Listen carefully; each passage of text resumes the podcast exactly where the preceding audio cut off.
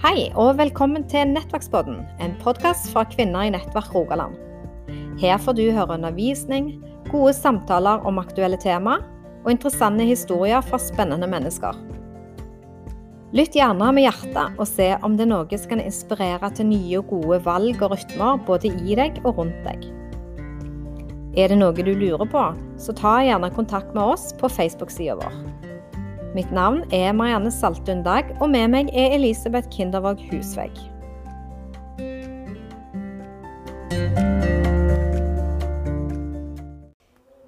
Ja, i dag har vi jo spesielt fint besøk i campingvogna vår, vil jeg si. Og når Olaug Bollestad skulle komme, så var det mest sånn at jeg lurte meg Skulle jeg ringt ut til mamma og hørt hva det sømte seg klær i når du skal få sånn fint besøk? liksom. Altså, Jeg traff kong Harald en gang. Da hadde jeg jo bunad, så tenkte jeg skal ta på bunaden, eller hva Ja, det syns jeg du skulle gjort. Jeg syns det hadde vært på sin plass. Oi, oi, oi. Men du bor jo rett oppi, oppi hytten her på Ja. Ålgård, og, og derfor så kunne du være med opp i dag. eh, Ja. Ganske enkelt. Eh, Marianne, du er så flink på å vite mer liksom sånn titler og sånn. Hvem er det vi har med oss i dag? Du må presentere denne flotte dama. Ja, og Bollestad, Olaug Bollestad Jeg vet ikke hvor opptatt hun er av titler, Nei, nei, nei. men at eh, de fleste vet at eh, hun er fra Hun sitter på regjeringen, landbruksminister. Mhm. Her på tjukkeste Jæren, Olaug. Ja. Det er jo veldig kjekt at du har kommet til oss. Og nå er det jo sånn at eh, eh, det er valg til høsten òg, så da passer det jo veldig bra å få høre litt om livet ditt, Olaug. Så bra. Ja. Eh, jeg vil jo si Jeg har jo ikke kjent deg fra før av. Men jeg følte i går så ble jeg godt kjent med deg. Oh, ja, så kjekt. Ja. Fordi da satt jeg og leste boka som du har skrevet. Og guri malla. For å si det fint. Ja. Ja, der var boka. For deg som hørte på podkasten, så heter den 'Snakk sant om livet'. Og den viste vi fram. Alt du har gått gjennom i livet ditt, Olaug, og at du fremdeles har holdt hodet Ikke bare holdt hodet i vannet, men står på og har et engasjement som ikke er verken påtatt eller skapt bare for at du skal gjøre noe og vise noe for, noe for andre, men det er et levd liv som du har eh, vist oss gjennom den boka der. Og jeg må jo si, når jeg satt og leste Jeg lo. Jeg lo mest, altså. Og jeg grein. og ble grepen av historiene. Eh, og det er jo ikke ei politisk bok, det er ei bok om, om livet. Og nå er ikke dette her en bokanmeldelse vi sitter og gjør, altså. Men allikevel. Det er det vi ønsker å høre litt ifra, Olaug. Det er livet som du har levd. Du kommer fra Jørpeland. Du er intensivsykepleier, og der jobbet du. Jobbet på sykehuset i Stavanger i 20 år, tror jeg. Ja, Jeg har jobba i sykehus mer enn jeg har vært politiker, egentlig. Ja, ja for du ble ikke engasjert før i Jeg var 42 år jeg, når jeg kom inn i politikken. Ja, se det. Der er håp, folkens. Ja, der er håp. Så jeg var ei voksen dame med fire unger og mann, jeg, når jeg kom inn i politikken. Ja, helt utrolig. Mm. Og i dag sitter du på eh, landbruksposten. Ja. Og det er veldig kjekt. Og jeg tenk, mange har spurt meg var det det du vil. Du er jo sykepleier. Men det er faktisk sånn at hvis vi har gode plantehelse, ikke bruker mye sprøytemidler i Norge, som vi er veldig kjente for, og bruker veldig lite antibiotika inn i dyreholdet, så er det veldig godt for folkehelsa vår. Så de tingene henger så nøye sammen. Så for meg er det liksom eh, Det å ha den bakgrunnen er jo kjempeflott, syns jeg, inn, inn i, i den jobben jeg har. Altså, du kunne jo egentlig engasjert deg i veldig mye ut ifra det livet som du har levd, tenker jo jeg. Eh, og du har, bærer med deg et eh, vitnesbyrd, for å bruke et kristent ord. Eh, fordi at eh, jeg lar meg imponere over at du ikke sitter i dag og ser på deg sjøl som et offer, men at du har brukt de tingene i livet ditt som en mulighet til å vokse og gjøre ting med situasjonen og tingene rundt deg. Og Vi skal komme litt tilbake senere i, i podkasten om hvorfor du valgte å engasjere deg. Men har du lyst til å fortelle litt ifra barndommen din eh, i forhold Ja. til mor di Ja, ja, og det kan jeg gjøre. Eh, Jeg var jo eh, i midten av tre søsken. Eh, og mor mi hun er jo vokst opp her på Jæren. Hun kommer jo fra Bryne. Det er ikke langt herifra. På andre siden av Frøylandsvatnet. På Særikst. På Særix kom hun fra. Og, eh, og min eh, oldemor kom jo fra Homse, eh, eh, ned med Brusan, opp av Brusan. Og hun var 16 år, så gifta hun seg med en på over 40. Og før hun var 20, så hadde hun to unger. Så sa han en dag at jeg, jeg reiser til Amerika. Du må ut og tjene. Så hun plasserte de to ungene hun hadde da, min bestemor pluss en bror av henne, som heter Peder, de plasserte hun i fosterhjem. Og så reiste hun ut for å jobbe og tjene penger, for mannen skulle jo reise til Amerika. Så reiser hun da til Skånevik i Sunnhordland, og der blir hun gravid. For det var jo sånn da at kvinnene var jo eiendommen til bonden, egentlig. Eh, Så da jeg var lita jente, så kom det plutselig ei dame i en grind, og så tenkte jeg Mor, kom og se! Det er ei dame med spinnlike bestemor. Så var det altså halvsøster til bestemor vi som ikke visste om. Eh, Og så reiste min bestemor fra Skånevik til Ualand. Eh, Det er òg bak Ogna, med en kraftstasjon, en liten plass som er rett ned forbi Homse. Og der, der eh, jobbet du på, også på en liten gårds, på gårdsbruk, ble gravid. Og da står det i kirkebøkene at hun tok livet av seg sjøl. Og ungen ba om hjelp, eh, for det var ganske skambelagt å bli gravid eh, sånn som det. Så hun og, og den babyen hun hadde i magen, døde da. Og det som viste seg, var at mannen var jo oppe på Homse, hadde vært der hele veien, og hun hadde utsatt sine unger. Og så ble min bestemor gift med min bestefar, og de fikk mor. Sånn at jeg har liksom sett i generasjoner. Mor ble plassert hos sin bestemor fordi min bestemor ble gravid etter bare to måneder etter mor ble født, så ble hun gravid på nytt. Eh, Og det gjorde at min mor måtte vokse opp hos sin farmor. Eh, Så min mor hadde en dårlig forhold til det å være mor. Og så fikk hun meg og bror min, eh, bror min først og så meg. Og da fikk hun en, en sånn svangerskapsdepresjon etter at jeg var født. Eller fødselsdepresjon, eh, og fikk ikke noe hjelp for det. Så viste det seg at du har nok en psykiatrisk lidelse. Så når jeg var liten, så stelte far meg og la meg i senga klokka seks om morgenen og, før han gikk på stålverket. Og så kom han og henta meg når han kom hjem eh, klokka to. Eh, I dag hadde jo barnevernet hjulpet, sant? men sånn var det ikke da. Eh, Så jeg var veldig sein før jeg lærte å gå. Eh, Men jeg lå jo der og holdt på med fingrene mine og var liksom fornøyd med livet sånn som det var. Men de for nå gårde til doktor med meg da når jeg var 20 måneder, for de skulle liksom finne ut hvorfor jeg ikke gikk. Så satte de meg på gulvet, så gikk doktoren, doktoren i andre enden, og så åpna 'Kom, Olaug', så sa jeg 'Kom sjøl'. Jeg syntes det, det var mye enklere. Men jeg hadde jo en mor da som i perioder eh, kunne gå tre uker, fire uker uten å snakke til oss ungene. Spiste tonnevis med globid. Globoid heter det i den tida. Det var noe sånn acetylsalicylsyretabletter. Som gjorde at du fikk veldig mye sånn sure oppstøt. Så du drakk masse Nyco, så hørte du Så rapte den der Nycoen, og så for hun på bad og spydde. Og det gjorde jo noe med oss unger. Vi lurte på hva galt det vi har gjort. Har vi ikke vært snille nok? Jeg ble kjempegod til å kjenne i døren jeg kom fra skolen. Hva stemning er det i dag? Så som lita jente så tok jeg jo mye ansvar i heimen. Eh, og når jeg var ni år Jeg begynte jo å jobbe tidlig til å selge aviser. Jeg tjente Ja, mine egne, Jeg så penger. det. Ja. Men du var seks år, Olaug, Ja, så begynte allerede da begynte du Ja. å selge Ja, aviser. ja. Og kjente på et ansvar. Ja. Jeg solgte aviser hver dag på stålverket. Så, så sykla jeg ned, husker jeg, med så, sånn, sånn sykkeltasker. Hadde avisen oppi der og hadde solgte til de som skulle på jobb. De hadde aviser vi skulle lese, og de som kom fra jobb, skulle ha aviser med seg hjem og lese hjemme. Så jeg sto akkurat i det vaktskiftet nede i den sentralen der de stempla kort, og de som gikk inn, og stempla ut de som gikk ut. Og solgte. Og det gjorde jeg helt til dess jeg begynte i fjerde klasse. Uh, tjente ganske godt med penger på det. Uh, og når jeg begynte i fjerde klasse, så kunne jeg ikke det, for da fikk jeg alle dagene, hele dager på skolen fram til klokka to. Og det gjorde at da kunne jeg ikke stå og selge aviser, så da begynte jeg å jobbe som, uh, som barnepasser. Og passet mye unger og tjente penger på det. Og når jeg begynte i sjette klasse, så begynte jeg å vaske i butikken til en som heter Nessa. Far til Ludvig Nessa eh, var liksom eh, der. Og, og så fikk jeg jobb inne i butikken etter hvert. Og Da ble mor mi ganske misunnelig, for hun hadde i ungdommen jobba i butikk. Så jeg måtte skaffe henne òg jobb i butikken, husker jeg. Og hun ble jo utad for folk kjempepopulære. Sant? For hun var jo ei sprudlende dame, og god å snakke, og god å lage mat, og masse humor. Så hadde hun en dårlig periode da hun ikke snakket med noen, og da gikk det ofte utover oss hjemme. Men eh, altså, da, hva tenker du om, om akkurat dette, Olaug? Det at du måtte jobbe så mye som barn, var det noe du hadde et bevisst forhold til? At du var annerledes på noen som helst måte? Eller? det var mange som jobba egentlig på den tida. Vi var jo mange som gjorde det. Men jeg følte nok et ansvar. Og noen ganger så stakk jeg noen av pengene til mora di av de jeg hadde. Bare la de i lommeboka deres.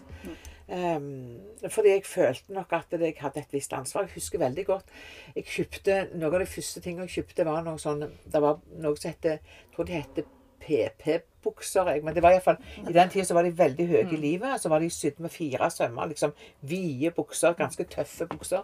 Jeg husker jeg gikk til Vågen gjennom motbutikkene og kjøpte det. Og syntes jeg var veldig veldig heldig som hadde egne penger. For mor mi syntes det var noe tøys, selvfølgelig. Men, men det å få den friheten til å kjøpe var jo òg litt deilig. Eh, Men samtidig så lærte jeg jo at det måtte penger inn på kortet eller på kontoen for å kunne ta penger ut. Mm. Men så hadde jeg jo en far, da. Og far min, han, eh, han ble på en måte pålen i livet mitt. Han var jo ikke kristen. Han ble kristen rett før han døde.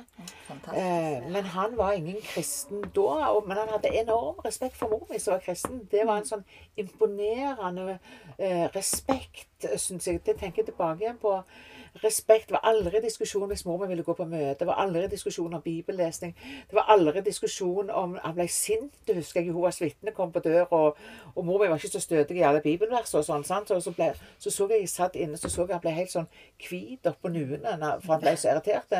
Og så gikk han ut, og så sa han ehm, nå er det nok. Eh, Kona mi Jeg har respektert troen hans i alle år. Det syns jeg dere òg skal gjøre. Nå skal dere gå herifra og aldri komme igjen. Dere skal respektere at andre har annen tro enn dere. Det husker jeg veldig godt. Og det sitter veldig godt i meg at eh, jeg er opptatt av at folk skal få lov til å møte den troa jeg har, men jeg har òg stor respekt for at eh, andre har en annen tro. Så må jeg vinne dem gjennom måten jeg er på, hvor de begynner å spørre mer enn at jeg eh, overdøver dem.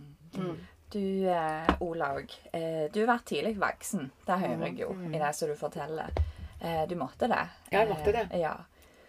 Og så noe som du har snakket en del om både i boka di og ellers, er dette her med mangelen på bekreftelse, mangel på aksept fra mor di. Hva har det gjort, tror du, med deg?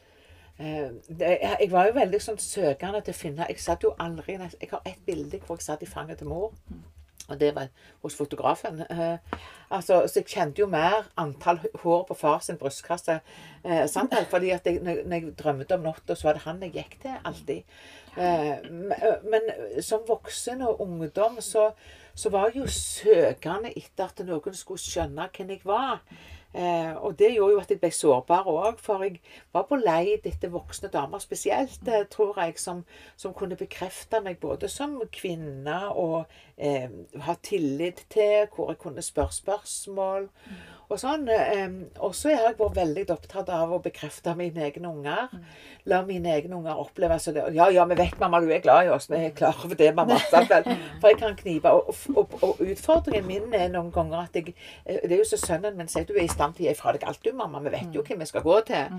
Sant? Så jeg skjønner jo at jeg kan komme i en situasjon hvor, hvor jeg gir fra meg alt eh, hvis det, det står på for ungene mine. sant? Eh, Og, og samtidig så er, så er jeg veldig opptatt av at eh, jeg har med meg fars side på en måte eh, litt respekt at ungene mine skal få lov til å ta egne valg. At ungene våre skal få lov til å fyke ut av reiret. At jeg ikke skal binde dem på noen som helst måte. Eh, Det er jeg ekstremt opptatt av. At de òg har respekt for deres grenser, og respekt for hvem de er, og valgene de tar. Eh, Noen ganger så tar de valg som jeg ikke er enig i, men da, Olaug, nå, er nå er de voksne. Sånn at jeg, liksom det å klare å Litt sånn som fuglene. De spenner jo ungene ut av reiret når de skal lære å fyke. Det er jo en kjemperisiko. Tenk hvis de detter rett i bakken. sant? Eh, Men sånn tenker jeg for egne unger. Og- Og jeg tuller jo litt med det, men jeg har sagt at bor dere hjemme etter dere 20, så er det dagmult. Um, og, og det er jo rett og slett fordi jeg vil hjelpe dem, ikke fordi jeg er ikke glad i dem. Og det, og det, det har jeg òg tenkt mye på. For det at jeg fikk jo På et vis så ble jeg selvstendig, men på en annen side ble jeg veldig ansvarlig. Så gjorde at jeg fikk noen bindinger til de hjemme. At de måtte ha det godt, og de måtte passe på dem, jeg måtte reise hjem. jeg måtte, sant? Alle de tinga. Eh, det vil jeg at ungene mine skal kjenne en frihet fra. De skal få lov til å komme hjem når de vil, og jeg skal stå med åpne armer og hjemmebaksten og god seng og varm og alt det der. Men, men, men de skal, og de skal kunne ringe når de vil, og sånn. Men, men jeg vil òg de skal få oppleve at mor slipper. Det er jeg opptatt av. Det er jo jeg, jeg tenker jo det er jo helt fantastisk på en måte når man kan få oppleve en omsorg med en frihet. Det er jo én episode som, som jeg, jeg syns var veldig morsom, ut av veldig mange. Ja. Det var når du jobbet hos han her Nessa. Ja. Eh, så viser jo du denne her omsorgen på en spesiell måte. For når da du sa det, inn i den butikken så kommer jo all slags folk fra alle slags lag. Eh, og, og når du så at alkoholikerne kom, ja, de skulle kjøpe hår, hår, hårvann. skulle de kjøpe hårsprit, hårvann, så gjemte du den. Ja, ja, for jeg visste de hadde unger hjemme, så visste jeg at noen Og jeg, og jeg visste jo så godt hva de gjorde, sant? for noen av dem var det litt sånn olje i. Og da var de så smarte at de, de kjørte det gjennom ei kneippbrødskive, sånn at de fikk vekk olja i brødet. Altså, Jeg visste jo at de drakk dette da. Så vi var alltid utsolgt for det når jeg satt i kassen. for hvis visste de på. Så, så da for jeg og gjemte dette. For jeg visste jo at det, For det første så var det jo veldig dyrt for lite sprit, egentlig. eh, Hvis de først skulle ha sprit. Og for det andre, så, og det gikk jo ut over ungene, da. Sant? For de kjøpte jo mange flasker av den der spriten. Og det var blå flasker, det var gule eller rød kork på. Alt etter hva innholdet var i disse flaskene. Så jeg gjemte de. Fantastisk. Altså, du, jeg syns jo det gjenspeiler litt av på en måte en omsorg Ja, for ja, ja. folk og. Mm, for samfunn. Fordi at du de, de har Selvfølgelig har de egentlig rett på å kjøpe hånds, på den hårspriten, sant? Men du så med litt lengre perspektiv på, måte på det, og hadde en omsorg. De har jo unger hjemme, og nå skal de bruke opp alle pengene sine på så lite. Ja, på så lite ble jo egentlig bare et, glass. Og det var ingen, ble ingenting av det. Så jeg tenkte at dette er steindyrt, så dette gjemte jeg. Andre kunne få den hårbrylen-greia. Og jeg tenker det engasjementet som du viser der òg, Olaug, det, det gjenspeiler seg jo i livet ditt generelt. Og det er en annen episode som, som, eh, som jeg tror du Du har noen karakterer som du viser tilbake til. Eh, I livet ditt. Og det er bl.a. ei som heter Ingeborg, og det er ei som heter Sylvia, og en som heter Georg. Ja. Fordi at det, i den anerkjennelsen etter, etter den søken etter anerkjennelsen fra mor di, så valgte du jo òg å bli bl.a. en soldat i Frelsesarmeen. Og seinere etter det Og den fikk du allikevel ikke på den måten som du ønsket, hvis jeg har forstått deg riktig. Så engasjerte du deg etter to år i, ungdoms- i, i på bedehuset. Og da må du jo fortelle, Olaug, hva Ja, nei, som jo, skjedde jeg, der. jeg, jeg var 14 år da, og så tenkte jeg må begynne Det var jo liksom ikke ungdom som ungdomsarbeid hjemme og Frelser, men det var for barnslig for meg. Så hvis jeg skulle liksom gå en plass hvor jeg kunne bevare troa mi, så måtte jeg gå på bedehuset. Så jeg tenkte årsmøte må jo være fint. Og når jeg kom inn på årsmøtet, så hadde jeg jo tok på meg bootsen, jeg, og jeg hadde sånne utvaska fløyelsbukser. Jeg hadde farga i undertrøya. Jeg hadde far med meg sånn netting under armen, så det var den hadde jeg farga, lilla. Og så hadde jeg svære flanellskjorte hadde far oppå der, sant, og håret rett ut og sånn. Eh, og så satte jeg meg bakerst på bedehuset. Og så ser jeg fram, og så er det bare hvite sånne isser, vet du, med blanke. Og så var det bare grå krans rundt alt, så langt øya kunne se. Og de diskuterte fryktelig mye løye. Jeg husker de diskuterte om vi var gamle nok å stemme. For stemmealderen på, på stortingsvalget hadde gått fra 21 til 18. Og det var stor diskusjon på det. Jeg syns de sa så mye tosje. Så jeg ba om ordet til slutt. Og så gikk jeg fram og så sa jeg, hvis dette er et eldsteråd som skal bestemme åndelige spørsmål, så kan jeg til nøds skjønne at det skal være 21 til nøds. Men hvis det skal bestemme hva vi ungdommer skal gjøre, hvor lenge vi kan være på dette huset, hva vi skal holde på med, så er vi mer enn gamle nok nummer 18. Og så satte jeg meg. Og det ble et sirkus, vet du. Folk reiste seg og sa Olaug, du kommer fra et halvkristelig hjem, du har ikke noe du skulle ha sagt her, og masse sånn. Men når jeg satte meg, så var det en som satt på sida av meg. Og han kunne jo ha vist meg pekefingeren og se på alt det mirakelet du lager framme der nå. Men det gjorde han ikke. Han la armen rundt meg, så meg i øynene og så sa han Gysla godt sagt! Og det har jeg tenkt mye på, hva sånn en arm betyr. Hvis du bruker mye pekefing, så går folk ut eh, og tar kanskje dårlige valg resten av livet. Men fordi han gjorde sånn, så hjalp han meg inn i et miljø. Hjalp meg inn til andre voksne som var med å vise mer omsorg enn pekefing. Som gjør at du lettere tar bedre valg gjennom livet ditt.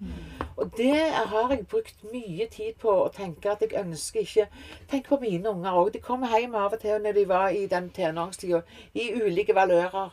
Da var jeg så opptatt av at jeg ikke skulle bruke den. At jeg skulle bruke den. Og det tenker jeg er en klok tilnærming. Georg har lært meg fryktelig mye. Og han forsvarte oss jo til Dovre falt han. eh, Hvis det var nødvendig på bedehuset. Og det trenger vi av og til.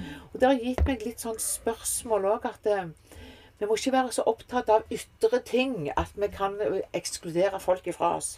For det sa jo faren din, jeg forstand, at det skal Ja. være samsvar med liv og lære. Ja, ja. Og det følte du gjerne ikke alltid det var i bedehusverdenen. Nei, og nei, det var jo ikke det. Og det han sikta til, far min han sa det, det var jo at han jobbet jo på stålverk, og så så han at veldig mange lånte utstyr og, og, og verktøy og sånn. Så kom de aldri tilbake igjen, men det irriterte han grusomt. Ja, det irriterte han grusomt.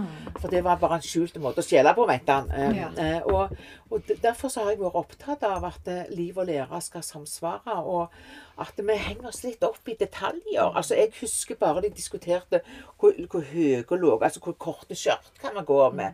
Altså, hvor, hvor skal vi se ut? Skulle vi ha lov til øredobber? Skulle vi hatt øredobber? Gud skapte oss. Sånne diskusjoner var det jo i min ungdom. sant? Og det, det tenker jeg det er uvesentlige ting Ja. opp mot det å få et nytt liv. ja. Mer Og det er derfor, ytre. ja, det blir liksom Det er ikke det ytre som gjør meg til kristen. Altså, om jeg tar leppestiften på meg, eller henger noe i ørene, eller har det, altså det, Eller om jeg liker dansende rytmer, eller om jeg til og med danser. Ja, hva så da?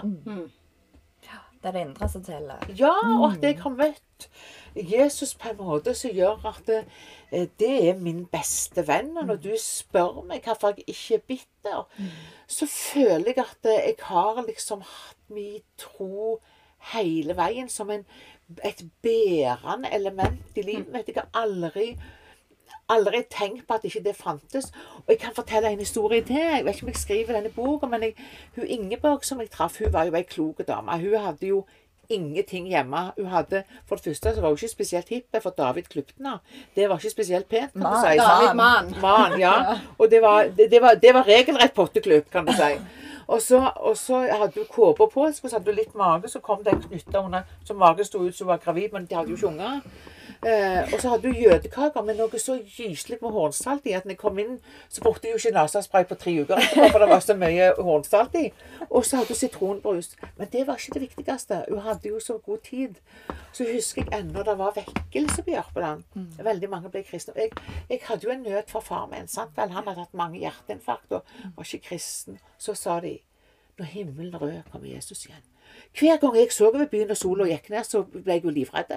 Og så betydde far så mye for meg at jeg sprang hjem og så tenkte jeg, de får fare til himmelen hvem som vil. Jeg vil være igjen med far. Sant? Og så husker jeg Ingeborg sa det er ikke det det betyr, Olaug. Det er et bilde. To ligger i samme seng. Én tatt med og én tatt tilbake. Det kan lett bli skummelt for ei ung jente, det. Eh, Det er bilder på at noen ikke er med, og andre er med. Altså Hun forklarte meg mange av de sterke uttrykkene i Bibelen. Og av og til så tenker jeg vi gjør klokt i å fortelle det på en god måte. Og det, det gjorde Ingeborg for meg. For jeg fikk masse angst. For jeg var så redd for far. For det var liksom pålen livet mitt. Det var hånda jeg holdt i når mor ikke snakka. Sånn. Det var han som tok seg av meg da jeg var liten. Og jeg hadde en enorm nød for han. Sånn at når han fikk feil medisin på sykehuset nå Rett før han døde, så hadde det, var det feilmedisinering på sykehuset. Det var en sykepleier som ga feil insulin. Det var liksom grunnen til at han døde, med at han måtte ha mye sukkervann etterpå. Eh, Så, så husker jeg han så tok meg i hånda og så sa han, 'Jeg har funnet samme veien som mor di'. Det var det ene han sa. Og så sa han etterpå og så må dere, så må dere ha deg være ære i, i, i begravelsen. Så sterk. Og da tenkte jeg det er ikke bedehus og kirke som gjør med kristne hell. Det er ikke utseendet som gjør det. Det er eh, et liv du finner, og det må vi faktisk eh, eh, vise fram på en måte som gjør at folk finner den veien. For jeg tenker jo at det gjennom alt dette her eh, altså som du har opplevd, men òg som kanskje veldig mange andre har opplevd i møte med dette her steile, tradisjonelle, at en har blitt støtt vekk. Ikke nødvendigvis fra Gud, Nei. fra Jesus, men fra det som er blitt gjort. Og så har man kanskje ikke greid å skille det. Så har man på en måte tatt avstand fra alt sant? og glemt den livets gave som Jesus er da. Og det høres ut for meg, Olaug, at du virkelig har hatt noen eh, Vært velsigna med noen voksne rundt deg til å kunne sette og stake ut kurset litt for deg Ja. i tøffe perioder. ja, jeg er jo så Når du stiller vanskelige spørsmål, eller ja. stiller Ja, ja. disse spørsmålene som ikke vil bli- at, at du skal stille. Ja, jeg er jo kjempeopptatt Jeg er kjempeopptatt av at vi skal åpne opp vår egen heim hjemme. Sånn at vi har jo gjort litt det hjemme. Jan Frode svetter jo av og til, for det kommer jo alt mulig inn til oss. Men, men det er jo sånn at jeg har ikke bruk for hjemmet mitt hvis ikke det skal være rom for folk der. Og det har jeg jo lært gjennom at folk lagde rom for meg. Eh, og, og jeg tenker at eh, det å, å få venner er å inkludere det i livet sitt. Og jeg har fått noen voksne. Jeg har ei voksen dame jeg ennå snakker mye med. Jeg, og det er ei klok dame på mellom 70 og 80 år. eh, og, og som, som jeg tenker at treng, alle trenger jo noen å speile seg i. Eh, og eh, det er ikke, da snakker jeg ikke om det ytre livet mitt. Da snakker jeg om hvordan jeg skal takle at jeg ikke ønsker å bli bitter. At jeg ønsker å bruke meg sjøl til noe bedre enn det jeg sjøl opplevde. Og jeg er ikke bitter på fortida mi. Det var på en måte Jeg kom til et punkt hvor eh, det var fantastisk å besøke min egen mor på sykehjemmet. Hun ble jo, hun ble jo gull verdt når hun, når hun ble senil dement. Hun ble jo så deilig, vet du. sant? Og plutselig så kunne jeg ha føttene mine oppi fanget, og hun kunne kose og massere. og Eh, og det sier meg noe om at, at sykdom kan forandre folk, og jeg må evne å se bak det. Og det måtte jeg være ganske voksen før jeg kunne innrømme. Og derfor så trenger vi noen voksne som hjelper oss til å sortere litt i livet vårt. Og det har jeg vært veldig opptatt av. Men det var jeg òg som sykepleier. Jeg var jo leder i akuttmottak i mange, mange år. og hvis vi bare tar inn inntrykk i et sånn en jobb, og ikke bearbeider det, så blir vi knallharde å møte. Mm, mm, mm. Jeg vil heller ha en sykepleier som viser medfølelse og omsorg. Og Derfor så jobbet vi mye med det å debrife. Hva var det egentlig vi så? Hva gjorde det med oss? Og sånn gjelder livet òg. Jeg tror det er kjempeklokt. Det som jeg hører når du deler, og det som vi har fått sett i boka di her og Altså, Du hadde jo på en måte hatt ganske god grunn til å lagt inn årene. på en måte. Ja. Altså, Folk hadde forstandet det, for ja. du har møtt mye motgang. Du har hatt utfordringer. Mm. Men likevel så har du peist på. Du har ikke latt, deg, ja, altså, du har ikke latt deg knekke for å si det sånn. Ja. Og det er så imponerende, for en kan jo fort En har jo valg en kan ta når en opplever ting. sant? En kan legge seg ned og gi opp, med seg sagt, men en kan også velge å heller sånn som du har gjort, at en vokser på det. sant? At en kan gå foran som forbilde i, i tilsvarende situasjoner. Det har du jo gjort i alvorlige ting, for du har opplevd ting. Ja, som, og, og, nå er jo det som spesielt noe som jeg har bedt meg merke i, som, som uh, har kommet fram, er jo dette som du har opplevd i dette med uh, metoo. Ja. ja. Kan du fortelle litt om det? Ja, det var jo eh, jeg, jeg, Når jeg er enda mer voksen nå, så, så, tenker jeg at jeg var jo et egentlig ganske lett bytte, egentlig. Men dette var jo en person som egentlig lagde nettverk rundt mange eh, for å ta dem inn i det nettet som var hans. Eh, og det var jo en, en misjonsleder som utad var kjempe kjempekarismatisk, flott. Alle lytta til han. Sånn at han hadde jo veldig mange tilhengere som mm. han hadde på en måte anker for sitt hvite ansikt til. Mm. Sånn at når vi var noen få damer som opplevde den svarte sida, så var det vanskelig for oss å fortelle, fordi han hadde så mange tilhengere på den hvite sida som nekta å tro. sant? Uh, og derfor så, så, så, når jeg opplevde at han hadde både innreda kontorene der vi drev men så hadde han sånn emblem, kjempe eh, Så det var liksom noen tenkte fantastisk. Han, han viser ut at her er misjonen, midt i byen. sant? Men det var jo for at ingen skulle se en. Eh, så fikk han sånn rød lampe på, på, på døra, og så fikk han ei lydtette dør, for han drev så mye sjelesorg. Så når han trykte på den røde lampen, så var vi jo prisgitt der inne. For det var kontordam på utsiden. Nei, det er sjelesorg der inne. Så du er jo prisgitt. sant? Det ble jo et lydtett rom. Eh, og da hadde han flytta noen av de tinga som hørte til eh, det arbeidet jeg skulle ha, bak kontorpulten. Kontorpulten sto til skrått, og så hadde han liksom bøkene bak i hjørnet. Så når jeg skulle bak og hente, så kunne han egentlig bare snu stolen og ta meg. Eh, og det var jo det han gjorde. Eh, og jeg husker ennå hva klær jeg hadde på meg. Jeg hadde en, det vi kaller for tunika, men det var bukser, og så var det en sånn topp til. Og så hadde jeg en sånn pologenser under, sånn en uh, genser. Og det var brunt, og så var den jumperen under svart. Og jeg var over 50 år jeg, før jeg begynte å gå i brune klær etterpå. Og jeg kan huske hva klær han hadde på. Og det er noen sånn godlukt, som vi sier, eller sånn parfyme til menn jeg ikke klarer ennå. For det hadde han på seg. Eh, og jeg, måtte, jeg, gikk ut derfra. Jeg klarte meg løst. Og han tok meg mellom beina, han tok meg på puppene. Og så gikk jeg, klarte jeg å komme meg ut. Eh, og så gikk jeg bare inn på kontoret der jeg var. Det var andre folk der. Så bare tok jeg veska med meg og gikk. Jeg hadde så vondt i ryggen. Og så var det jo egentlig det jeg brukte for å bli sykemeldt. Tok og søkte utdanning etterpå. Det var da jeg søkte alt jeg ville, tenkte det passer jeg sikkert til. Og så tok jeg en, eh, la alt i en hatt, for jeg kom inn på alt, og så trakk jeg sykepleien. Men det var liksom utgangen av det. Men, men selve eh, det som det gjorde med meg, kom til meg i mange sammenhenger etter. Jeg traff jo Jan Frode. Vi fikk jo barn. Eh, og så husker jeg at det, det ene tingen var at på kjøkkenet som jeg sa, en sånn liten krok hvor jeg står og lager mat, der er komfyren og alle redskapene i skuffer, komfyrer og, og, og gryter og sånn, og så krydder og alt bak, og kjøleskap, sånn at jeg slipper å gå så langt for det, det alt jeg trenger på kort avstand. Og inni den krona, da, som jeg sier, der kunne han av og til komme og skremme meg med å komme bak ryggen min og vifte og gikk og sånn. Jeg var i stand til å drepe nesten. sant? Og jeg kunne ikke begripe, for jeg er jo ei, jeg er ekstroverte dame så lenge jeg har folk foran meg. Så jeg er veldig ekstrovert dame, har lyst til å knipe alle. Eh, men jeg kunne, når til og med min egen mann kom sånn, så kjente jeg jeg ble helt stiv. Han skjønte det aldri, for han visste jo jeg var ganske hengivende dame. Eh, Så når jeg klarte å sette ord på dette, da, til han husker jeg ennå vi sto der, så ser han på meg, så holder han meg ifra sånn, så sier han Olaug, nå faller Blir jeg nesten rørt sjøl. Nå faller liksom brikkene i puslespillet på plass. Nå skjønner jeg, Olaug, jeg skal fylle. Jeg blir med på hele veien. Eh, Og det har han gjort. Og det tenker jeg det, det har jo for meg blitt en sånn aksept for at jeg er kvinne. At han er glad i meg med hele meg. Eh, Og at han også skjønner hva det har gjort. Det skal noen kloke menn til for at kvinner skal komme ut av metoo-opplevelser. Og så tenker jeg at det, Derfor så må vi snakke om det på en måte som ikke bare oss kvinner imellom. Men vi må snakke om det som menn hører det. Og jeg har hatt noen opplevelser nå etterpå hvor menn har sittet i innkjørsler hos oss og, og, og, og fortalt om kona som gikk ifra, som han ikke skjønte det før når han har lest boka. Som kan handle om kona si som har gitt opplevd noe. Så jeg tenker eh, det er nok mer at vi må klare å inkludere folk i problemene våre for å klare, finne en løsning. Så meg og Jan Frode vi har jo fått folk som har sittet og snakket med begge oss to eh, om den opplevelsen. For at Jan Frode også skal vite hva som er rett for han å gjøre. sant? Altså, det er jo kjempeklokt. eh, Så jeg er jo godt giftet, da, så mor mi alltid pleide å si. Altså, jeg må jo si, når jeg hører dette, Olaug, det, det rører. Eh, samtidig så jeg tror at mange, det er så mange der ute som har vært i lignende opplevelser.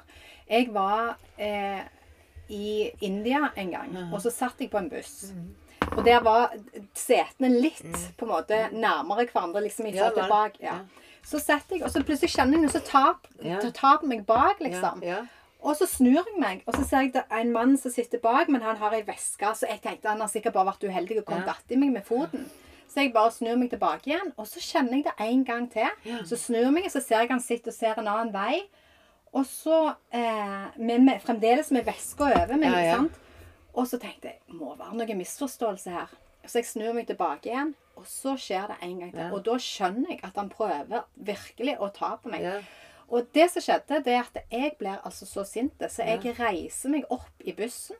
Og jeg sier til den mannen 'Kom deg ut av bussen med en eneste gang'. Jeg vil ikke ha deg her i bussen. Og han står jo helt forfjamsa og ser seg rundt. Og ikke 'Reis deg opp og kom deg ut av bussen', sier jeg. Jeg står opp, og jeg ser bak, og bussen er jo smekkfull av indere. Der. Og, han, og han sier 'Du reiser deg opp, du går ut'. Til slutt så måtte han stoppe bussen, og han, han gikk ut. Jeg fulgte han ut, og jeg var så sint. Mm. Men det som skjedde etterpå med meg, det overraska meg. For jeg kjente på, selv om det her Det var egentlig ingenting i forhold til det som du f.eks. beskriver, eller det? Bjørg. Men jeg ble så sjokka over følelsen min. Jeg kjente at jeg var krenka. Jeg kjente litt på skamfølelse.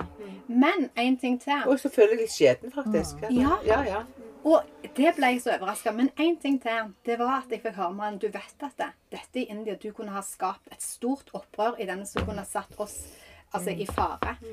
Og, og med å gjøre det. ja. Og det som jeg kjente ble sagt gjennom det, det var at jeg ble ikke tatt på alvor. Mm. Og eh, alle de når jeg gikk gjennom den prosessen der og kjente på de såre følelsene i det, i en så liten hendelse som jeg vil si For jeg sitter jo ikke med noe varige men eller noe sånt som det der, men, for det var jo så lite. Men jeg, jeg kjente på krenkelse. Jeg kjente på, på, på at jeg var Ja, på skam. Og ikke minst nesten, vil jeg si, sånn for, altså, når, når de reagerer sånn at du kunne sette oss andre i fare ved at du begynte å reagere. Ja. Og det tenker jeg Mm. litt på når at jeg leser det og hører deg, Olaug. Eh, i, I den kampen som du òg tok opp Ja. for Bjørg i etterkant. For det, det å bære med seg en sånn en opplevelse gjennom livet, Ja. som jeg vet ikke hva du har kjent på, om det har vært skam eller krenkelse, eller hvordan det har forma deg, og hvordan Fordi at i ditt engasjement f.eks. i KrF, så er jo du veldig opptatt av at vi skal ha et, et, et verdisyn til grunn i alt det vi gjør, Ja. skape et samfunn Ja, ja. der vi har det lokale fellesskapet som bryr seg. Ja, ja. Eh, og da tenker jeg, hvordan er det du har fått kjenne på verdi i, i, i etterkant av dette her? Og kjenne på din eget selvbilde? Eh, og ta tak i det som har vært vondt. For meg har det jo vært eh, kjempeviktig å jobbe med å slett bli glad i meg sjøl. Eh, bli glad i meg sjøl både fordi at jeg eh, Ola, du er faktisk verdifull. Eh, Gud har skapt deg akkurat sånn som du er. Eh, måtte bruke mye tid på, på det. Både fordi jeg var liten og blei på en måte eh, Jeg visste jo jeg var fars jente, på en måte, men jeg savna jo òg at mor gulla rundt meg og sa jeg var glad i meg. sant vel? Eh, og, og til at jeg på en måte òg ble verdsatt for å være Olaug og ikke alt det jeg gjorde, på en måte. sant? Jeg jobbet fra jeg var seks år, eh, var leder i skolelag, var med i ungdomsforeningen, var med i kor og jobbet på butikken og alt det der. Men det var den jeg var. Sant? Og det er en sånn eh, Og det har jeg måttet jobbe ganske mye med. Og at det er Olaug dere ser. Og derfor ble denne boka òg viktige for meg. Og jeg måtte bruke ganske lang tid, og det var mange som ville skrive, men jeg måtte finne den rette. fordi det, det handler jo om at det er Olaug dere skal se, på en måte. Og den verdien det fins i både å vise sårbarhet den verdien det er i en landsby, holdt jeg på å si, å finne seg noen voksne eller noen tillitspersoner som du kan lufte livet med. For jeg vil se de av oss som ikke har noe i den ryggsekken, eller i noen av siderommene. Og jeg tenker spesielt i kristen sammenheng så skal vi være obs på den åndelige biten. Ja, men vi skal òg være obs på at den åndelige biten henger også sammen ofte med den menneskelige biten. Og det å ta vare på mennesket oppi den kristne biten.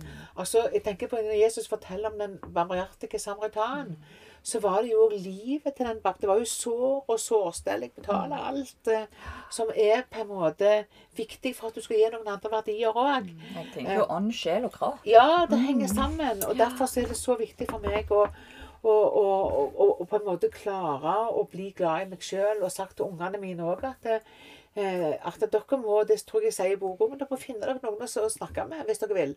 Og dere må bare snakke om meg òg. For det er ikke sikkert at jeg har gjort alt perfekt.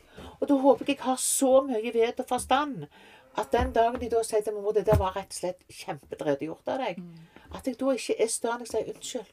Jeg trodde jeg gjorde det beste, men jeg skjønner det er ikke det beste jeg kunne gjøre. Altså det å ikke være så sta på en måte. fordi det er ikke alltid vi treffer, og det tenker jeg Sånn blir det for meg òg. Og derfor er jeg så opptatt av å, å snakke sant om livet på en måte. Mm. Jeg må jo nevne på, på dette med Instagram, da. Eh, jeg følger deg jo der, fru Larkens. Eh, og du har jo 93 000 følgere. Ja, Det, kan du begripe det? Nei, jeg kan ikke begripe det. Det er jo så kult at Ja. du når ut der. Og jeg må jo si, når jeg er inne der meg og mannen kan jo sitte og scrolle litt i lag og se på noen filmer eller bilder. Vi kan jo lese og vi skriker. Altså, det er jo så fantastisk, og det er en befrielse å gå inn på deg der og så se at du er så lite høytidelig. Eh, At du gir og byr eh, på deg sjøl og gir av deg sjøl. Og, og, og liksom eh, For det er jo en, en rak kontrast på en måte til det som samfunnet ellers mye er i dag. sant? At du skal jo mest har sagt 'fake it till you make it'. sant? Altså, Yes, yes. Og, og du på en måte, du er, du er ekte vare, da. Og, bare liksom når du leser der i boka, eller om du ser på Instagram altså Du ser jo at da, du er deg sjøl. Eh, Ja, og det var liksom Det, det er litt sånn eh, sant? Og det har jeg tenkt på helt tilbake igjen. Jeg kom på bedehuset, jeg kom i flanellskjorte. ja. Og så forventet jeg gjerne at du skulle kommet litt annerledes. sant? Eh, Og så tenker jeg, så ble jeg ordfører. Masse før det òg, men jeg, jeg ble ordfører, liksom Du må, du må ha sånn dressjakke. Du må ikke ha dressjakke. Hvorfor må jeg ha dressjakke? Nei, jeg skal ikke ha dressjakke. Altså, Jeg vil ikke bli plassert i liksom Det er ikke det som gjør meg til den rollen jeg tar, eller får. Eh, og sånn er det òg når jeg kommer inn i storting og regjering. sant vel? Så eh, er det Olaug som er valgt inn der. Det er, ikke, det er ikke rollen som skal bestemme hvem Olaug skal bli inni dette her. Og, og, og det er ganske viktig for meg. Og, da, og, når det gjelder den der Instagram, så forstår jeg fryktelig lite av den. Eh, for å si det rett ut. For det var at jeg sa at jeg hadde herja så gyselig oppe med, i Tromsø. Jeg hadde vært på tur, en av de første turene jeg var som statsråd. Så jeg tror ikke de trodde at jeg kunne reise alene i verden. At jeg måtte ha sånn stort skilt. Fordi, fordi alene. ja, fordi når jeg skulle hjem da, så, så hadde jeg med meg en, en flott unge rådgiver, og så hadde han som var statssekretær sagt at eh, når du skal kjøre til Tromsø, for han skulle på noe annet, så tar du det høyre i rundkjøringa, så tar du høyre, og så finner du parkering. Sånn holdt jeg på. Så tok jeg og screenshot et sånt et eh, kart, og så langt ut i hivet, så sier jeg, vet du hvor jeg er, sendte jeg til han, for han var jo reist i et familieselskap. Jeg sa du skulle ta til høyre i rundkjøringa, kom da tilbake igjen. Og så tar jeg enda mer opp og plasserer en rød flekk, og da, står, og da, da ringer han liksom 'Du er langt, du på Kvaløya!' Og sånn, er sånn bare sånn på tull, vet du. Og da, og da fant jeg ut her kan vi lage litt morsomt. Og på, det, på det møtet jeg satt med dette, så sier jeg til hun Kaja som meg, kan du være med meg og vise meg hvordan du får bilder på Instagram? På den turen vi hadde vært på, var så mange kjekke bilder. Så viste hun meg den plussknappen. Men det er ennå sånn når folk sier at de har tagga meg, ja, hva gjør jeg med det? Hvordan får jeg det opp? Altså, Hvis det lyser sånne røde prikker, sånn, så jeg er ikke så garva i det. Eh, Men jeg har ikke altså det er, Jeg har jo lagt ut bilder på min private Facebook, og nå, det, nå får jeg ikke mer følgere på den der 5000. Jeg, jeg, men liksom, eh, jeg, jeg har jo holdt på å tulle sånn, eh, eller vært meg sjøl alltid. Så det, på den Instagramen er det ikke noe tak, så derfor så er det vel derfor det har blitt sånn. Men, men det er klart, i begynnelsen så var det noen rådgivere som sa på Stort du må ikke legge ut det, ikke på Instagram, men på det jeg kaller på Facebook. Derfor kan jeg ikke det? Så lenge jeg ikke eh, spiller folk nakne. Og så har det blitt veldig mye styr om den der bareskroppen har Jan Frode. Og jeg, jeg har ikke tenkt over det, jeg, før noen begynte å spørre om det.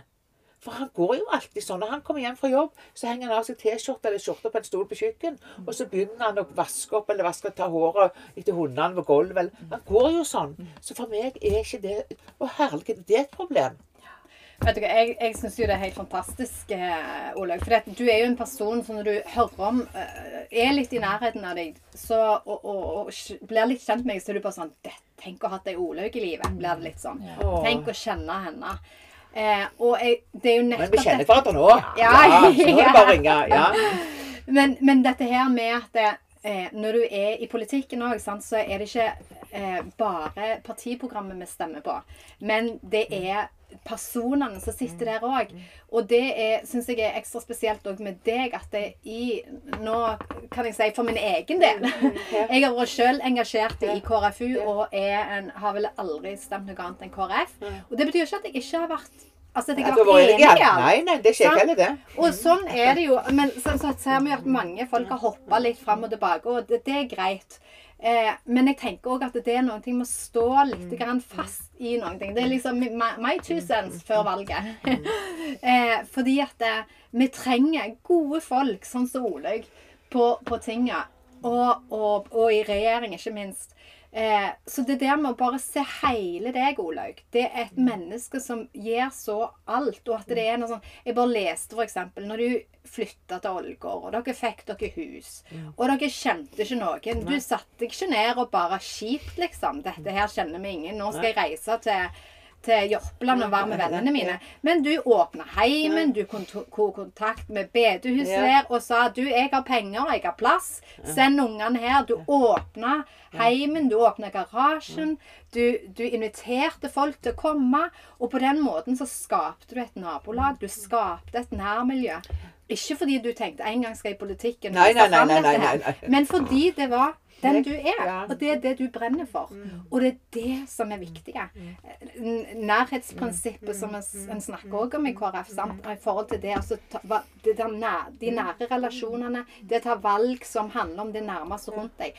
Og det har jo du gjort på en utmerka måte. Har virkelig sagt det går an. Til og med med en mann eh, som ikke helt liker deg, som kanskje, som du har fortalt før, noen ganger kanskje skulle hatt det litt roligere rundt eh, i svingene. Ja, ja. Så har dere funnet en balanse som et ektepar i å fungere i dette her. Og det har vært ganske viktig. Og vi har jo gått på mange ekteskapskurs med. Ikke fordi at ekteskapet var dårlig, men for at, at et godt ekteskap alltid kan bli bedre. Yes. Uh, og, det, og det har vært helt uh, viktig for oss. For at han har sin historie, jeg har min. Bare tenk dere når vi fikk fire unger. Han hadde jo feira barnebursdager i mange uker hver gang han hadde bursdag. Han var mest enebarn. Han var ikke enebarn, men hadde en søster som var mye eldre. Så han ble mest enebarn. De feiret jo alt som kunne krype og gå. Mens jeg hadde aldri hatt barneselskap. Og så får vi fire unger. De skulle feire i barnehagen, de skulle feire i gata. De skulle feire med familie, vi skulle feire med venner. Vi skulle feire alltid. Bare det sant vel, var en sånn ny opplevelse. Vi måtte finne ut av dette her. Og så måtte han motsatt finne ut av at jeg kunne dekke det fire ekstra. Det kom det folk Nei, jeg vet ikke, men jeg tror de snakket om å komme innom. Da må vi ha plass. Sånn var jo jeg. sant? Inviterte på julaften folk vi aldri hadde sett før. og sånn, sant? Og de røykte sånn at, at det- fingrene tok nesten fyr, for de var så, de var så syke. Så de så de, Mamma, de, nå, nå brenner snart fingrene. Se, se, se, sangene.' Men det var en sånn viktig bit for meg å åpne hjemmet vårt. Det er jo å inkludere folk i livet sitt. Fantastisk. Du er jo et forbilde, da, Olaug, syns jeg, på så mange ting. Eh, og der tenker jeg at da, eh, Det som er så fint, er at da, du gir deg ikke. Sant? Selv om du møter motgang. Eh, og det syns jeg er så inspirerende. Ja, så kjekt, det, da. ja, for det, det, er jo, det er jo fort sånn at vi bare Nei, altså nå, nå ikke, nå orker jeg ikke mer. nå orker jeg ikke mer. sant? At en liksom, eh, Og så har en så lett for å klage òg mye. sant? I forhold til Du du har liksom hatt all grunn til om du vil klage, sant? Og, og, og sånn, men du har likevel eh, positiv og har lært og gått videre. Og så kan du bidra inn i så mye der du er i dag pga. ekstremt mye erfaring på godt og vondt. Og, Eh, men det som jeg òg tenker litt angående eh, det med mannen din og deg, og at dere satser veldig på familien og ungene og sånt. Det er så fint, syns jeg. Og det er viktig for meg, og det er viktig som jeg sa tidligere, det peneste seg å slippe deg til å ta egne valg. sant? Så meg og Frode, vi kan gå Nå har de bygd hus, noen og noen restaurerer et hus og sånn. Hva er det dere vil vi skal gjøre? Ikke sånn Nå skal høre, nå syns vi dere skal gjøre det sånn. Nei, nei, nei. nei. Eh, eh, Skal jeg spare noe her? Ja, så sparer jeg der. Altså, det er noe med at de skal få bygge sitt, sånn som jeg ville bygge, eller vi ville bygge vårt. Eh, Og så er det ikke sånn at meg og Frode ikke har diskusjoner, for det har vi. Men vi har lært hvordan vi skal takle de diskusjonene. Vi har fortalt hverandre hele vår historie før. Ikke bare vår livshistorie, men vår troshistorie. Sånn at vi på en måte skjønner hverandre litt. Altså, når, og det betyr at det, Jan Frode har jo gått noen veier med alle de folka jeg inviterer livet, inn i livet vårt. Men han har jo òg sagt at jeg har jo vunnet noe med det sjøl, sier han. sant? Altså, for jeg har jo fått utvidet perspektiv. Og så har jeg måttet gått en annen vei. Og, og tenkt at OK, dette betyr mye for Jan Frode. Og det er jo fantastisk. Egentlig så er det jo ganske fantastisk, det han gjør. Sånn at det da å på en måte slipe av hverandre litt. Eh, og det betyr ikke at jeg skal legge, legge lokk på noe av mitt, men det handler om at jeg må inkludere han i mitt, og så må han inkludere meg i sitt. Da er det egentlig mye enklere. Og så er jo jeg en sånn en dame som er lunteløs. Det er sånn voff, så får jeg opp i en diskusjon, og så er jeg ferdig. Og da kan jeg glemme det for evig og alltid. Mens Jan Frode han er mye seinere å få på giret opp for å bli sint. Men han varer mye lenger òg, det sinnet. Sånn at det, det, dermed det, det det å klare å leve med forskjelligheten hos oss, det er egentlig um, en, en kunst som jeg tror at vi både i kristne sammenhenger, men i samfunnet, tror at vi alltid skal klare alene. Jeg tror det er lurt med å dele del sorg er halv sorg, og delt glede er dobbel glede, tenker jeg. Og sånn, og det å tenke det som ektepar, det er jo det fineste vi har i samfunnet vårt, som vi må hegne om, tenker jeg. Altså, jeg, eh, jeg tenker jo òg Når du nevner Jan Frode eh, Altså, du er jo ei krigerdame, vil jeg si. Du er jo ei som på en måte ikke Så Elisabeth òg sa her, ikke gir seg med det første. Men at du kriger, rett og slett, vil jeg Ja. si. Og når jeg, når jeg leser at du leste om Jan Frode Var og- var syk, så, så grein jo jeg. Og kan ikke du For det som jeg ble òg Altså, jeg føler jo at det som du så gjennom hele den prosessen òg, Det jo, handler jo om at livet lærer oss ting. Måten vi tar ting på, kan vi lære noen ting ut av. sant? Du fortalte tidligere at faren ble feilmedisinert. og Du kunne jo stått på og, og anklagt og klagt og blitt så sur og sint. men- Pasienterstatninga. ja, pasienterstatninger. Men du valgte. Og du valgte dine kamper. Valgt dine kamper. Hva er det som er viktig? Og, og samtidig ikke når du velger ting vekk. Og ikke la bitterhet eller sinne Du hadde denne sykepleieren med deg seinere som eh, Og du hadde ja. tilgitt. Så Ja, det gikk feil medisin. og tilgitt meg hele pakken. Men når jeg leste om hva som skjedde med Jan Frode, kan ikke du fortelle litt eh, kort på en måte det som skjedde der? Altså, jeg, han, han, han, det var palmemandag, altså mandagen etter palmesøndag. Så ringte han til meg. Jeg var hos tanten min på Bryne. Så hadde jeg fire ungene med meg. Så jeg, sa, jeg har så grusomt vondt i hodet. Det smalt liksom. Da spant det i mitt hode Mm. han sa det. For jeg var jo intensivsykepleier og visste at den diagnosen som jeg trodde det var, den er, er en sånn blødning. Der du får hjernehinnebetennelse, der var det en blødning. Og det betyr at når du da får blod i stedet for bakterier i hjernehinnene, så blir du stiv i nakken, akkurat sånn som hjernehinnebetennelse. Og, og, og sånn så jeg tok heiv ungene i bilen og kjørte opp i barnehagen, og jeg så når han kom gående mot meg at det her er en pinnstiv. Og så går han bitte litt skeiv. Så jeg satte han fast i bilen, Polstrand, han, vi hadde sånn minibuss, og så visste klokka var tre, så det var ikke mulig å ringe til legevakt eller noe sånt, så jeg bare kjørte med nødlys til byen. Så husker jeg det kom med gamle helikopterservice på, på, eh, på motorveien. Da forsvant han for meg. og Da begynte han også å kaste opp. og, og det hadde jeg aldri sett han gjort før. Han har jo jobbet i barnehage. sant? Han ble jo aldri oppkast, han. Så jeg forsto jo at nå er, det, nå er han sjuk. Så kjørte jeg opp på dørene i akuttmottak, sånn at de gikk opp, så sprang inn. Jeg var jo tross alt lederen der. Og nå må dere hjelpe meg. Og fikk han inn i ei seng og sånn. Jeg tror han har subarknoidalblødning, som det heter fint. Og så kom det først en lege som sa nei, Ole, han er jo våken fortsatt. Så fant jeg, fant jeg en ny lege som sa Heidi, nå må du hjelpe meg. Og så kom hun inn. Ja, jeg skal bare jeg skal hjelpe, men jeg skal bare hjelpe en kollega først som har, som har uh, føling i diabetes. Så kom hun springende inn etter at Frode hadde vært på CD, og så grein hun. Og da skjønte jeg det med en gang. Eh, da, hadde han, eh, da hadde han blødning i de hjernehinnene. Vi måtte fyke til Haukeland, for vi hadde ikke operasjonsmulighet i Stavanger. Og vi for med redningshelikopter. Det var et forferdelig vær. Naboen måtte hente ungene og bilen. Og når jeg kom til Bergen, så sto den ene CT-en sånn at de fant ikke ut hvilken i året det var som blødde. Så vi måtte vente til morgenen etterpå. Og de timene på natta da, da husker jeg ennå at jeg gikk ut inn Jeg fikk et rom og gikk ut inn hvert kvarter. For det skulle ikke være så vanskelig pårørende. Og plutselig så banket det opp på døra, og så var det en sykepleier som sa eh, 'Jeg tror jeg mister din mann'. Gud gjør du ei, husker jeg jeg sa. Og så sprang jeg ut, og så så jeg de hadde lagt på han en sånn maske som heter C-papp. Det gir deg mottrykk når du puster. Det har du ikke lov til å gjøre når det er blødning i hodet. Så jeg bare reiv av den, og så sa jeg at det har du ikke lov til. Finn en doktor med en gang. Og så kom det en springende i full fart, så frakken sto jo rett ut bak når han kom springende. Og så sa jeg enten må du stikke han i ryggen, eller så gjør jeg det. Og jeg vet hva ikke lov, men jeg har vært med så mange ganger at da stikker jeg i ryggen for å avlaste, for ellers så dør hjernen. Og hvis ikke du gjør det, så gjør jeg det, så får dere heller sette meg inn etterpå. Og så gjorde han det. og Så sa han det er farlig. Jeg vet det er farlig, men vi har ikke noe valg. Og da hadde han så høyt trykk i hjernen at hvis vi ikke hadde gjort det, så hadde, blitt, hadde hjernen blitt klemt av i årene her rundt. Og han hadde mista alt oksygen til hjernen. og Han hadde dødd. Um, og så ble han oppe, kjørt på operasjonsstua dagen etterpå klokka åtte. Da klarte de å reparere maskinen og sånn. Og så hørte jeg ingenting før kvelden i åtte-halv ni så ringte de fra operasjonsstua. Så hver gang telefonen ringte på rommet, så var det en av sykehuspresten i Stavanger som ville høre hvordan det gikk med meg. og sånn. Så hoppet jeg jo en halvmeter. Sant? For jeg var redd, at de sa nå går det ikke. Men eh, eh, da, klarte han seg jo faktisk og ble helt frisk. Eller sønnen vår, sier de har skrudd et par være feil, for han liker plutselig fotball. Men da stilte jo nabolaget opp. Da stilte banken opp.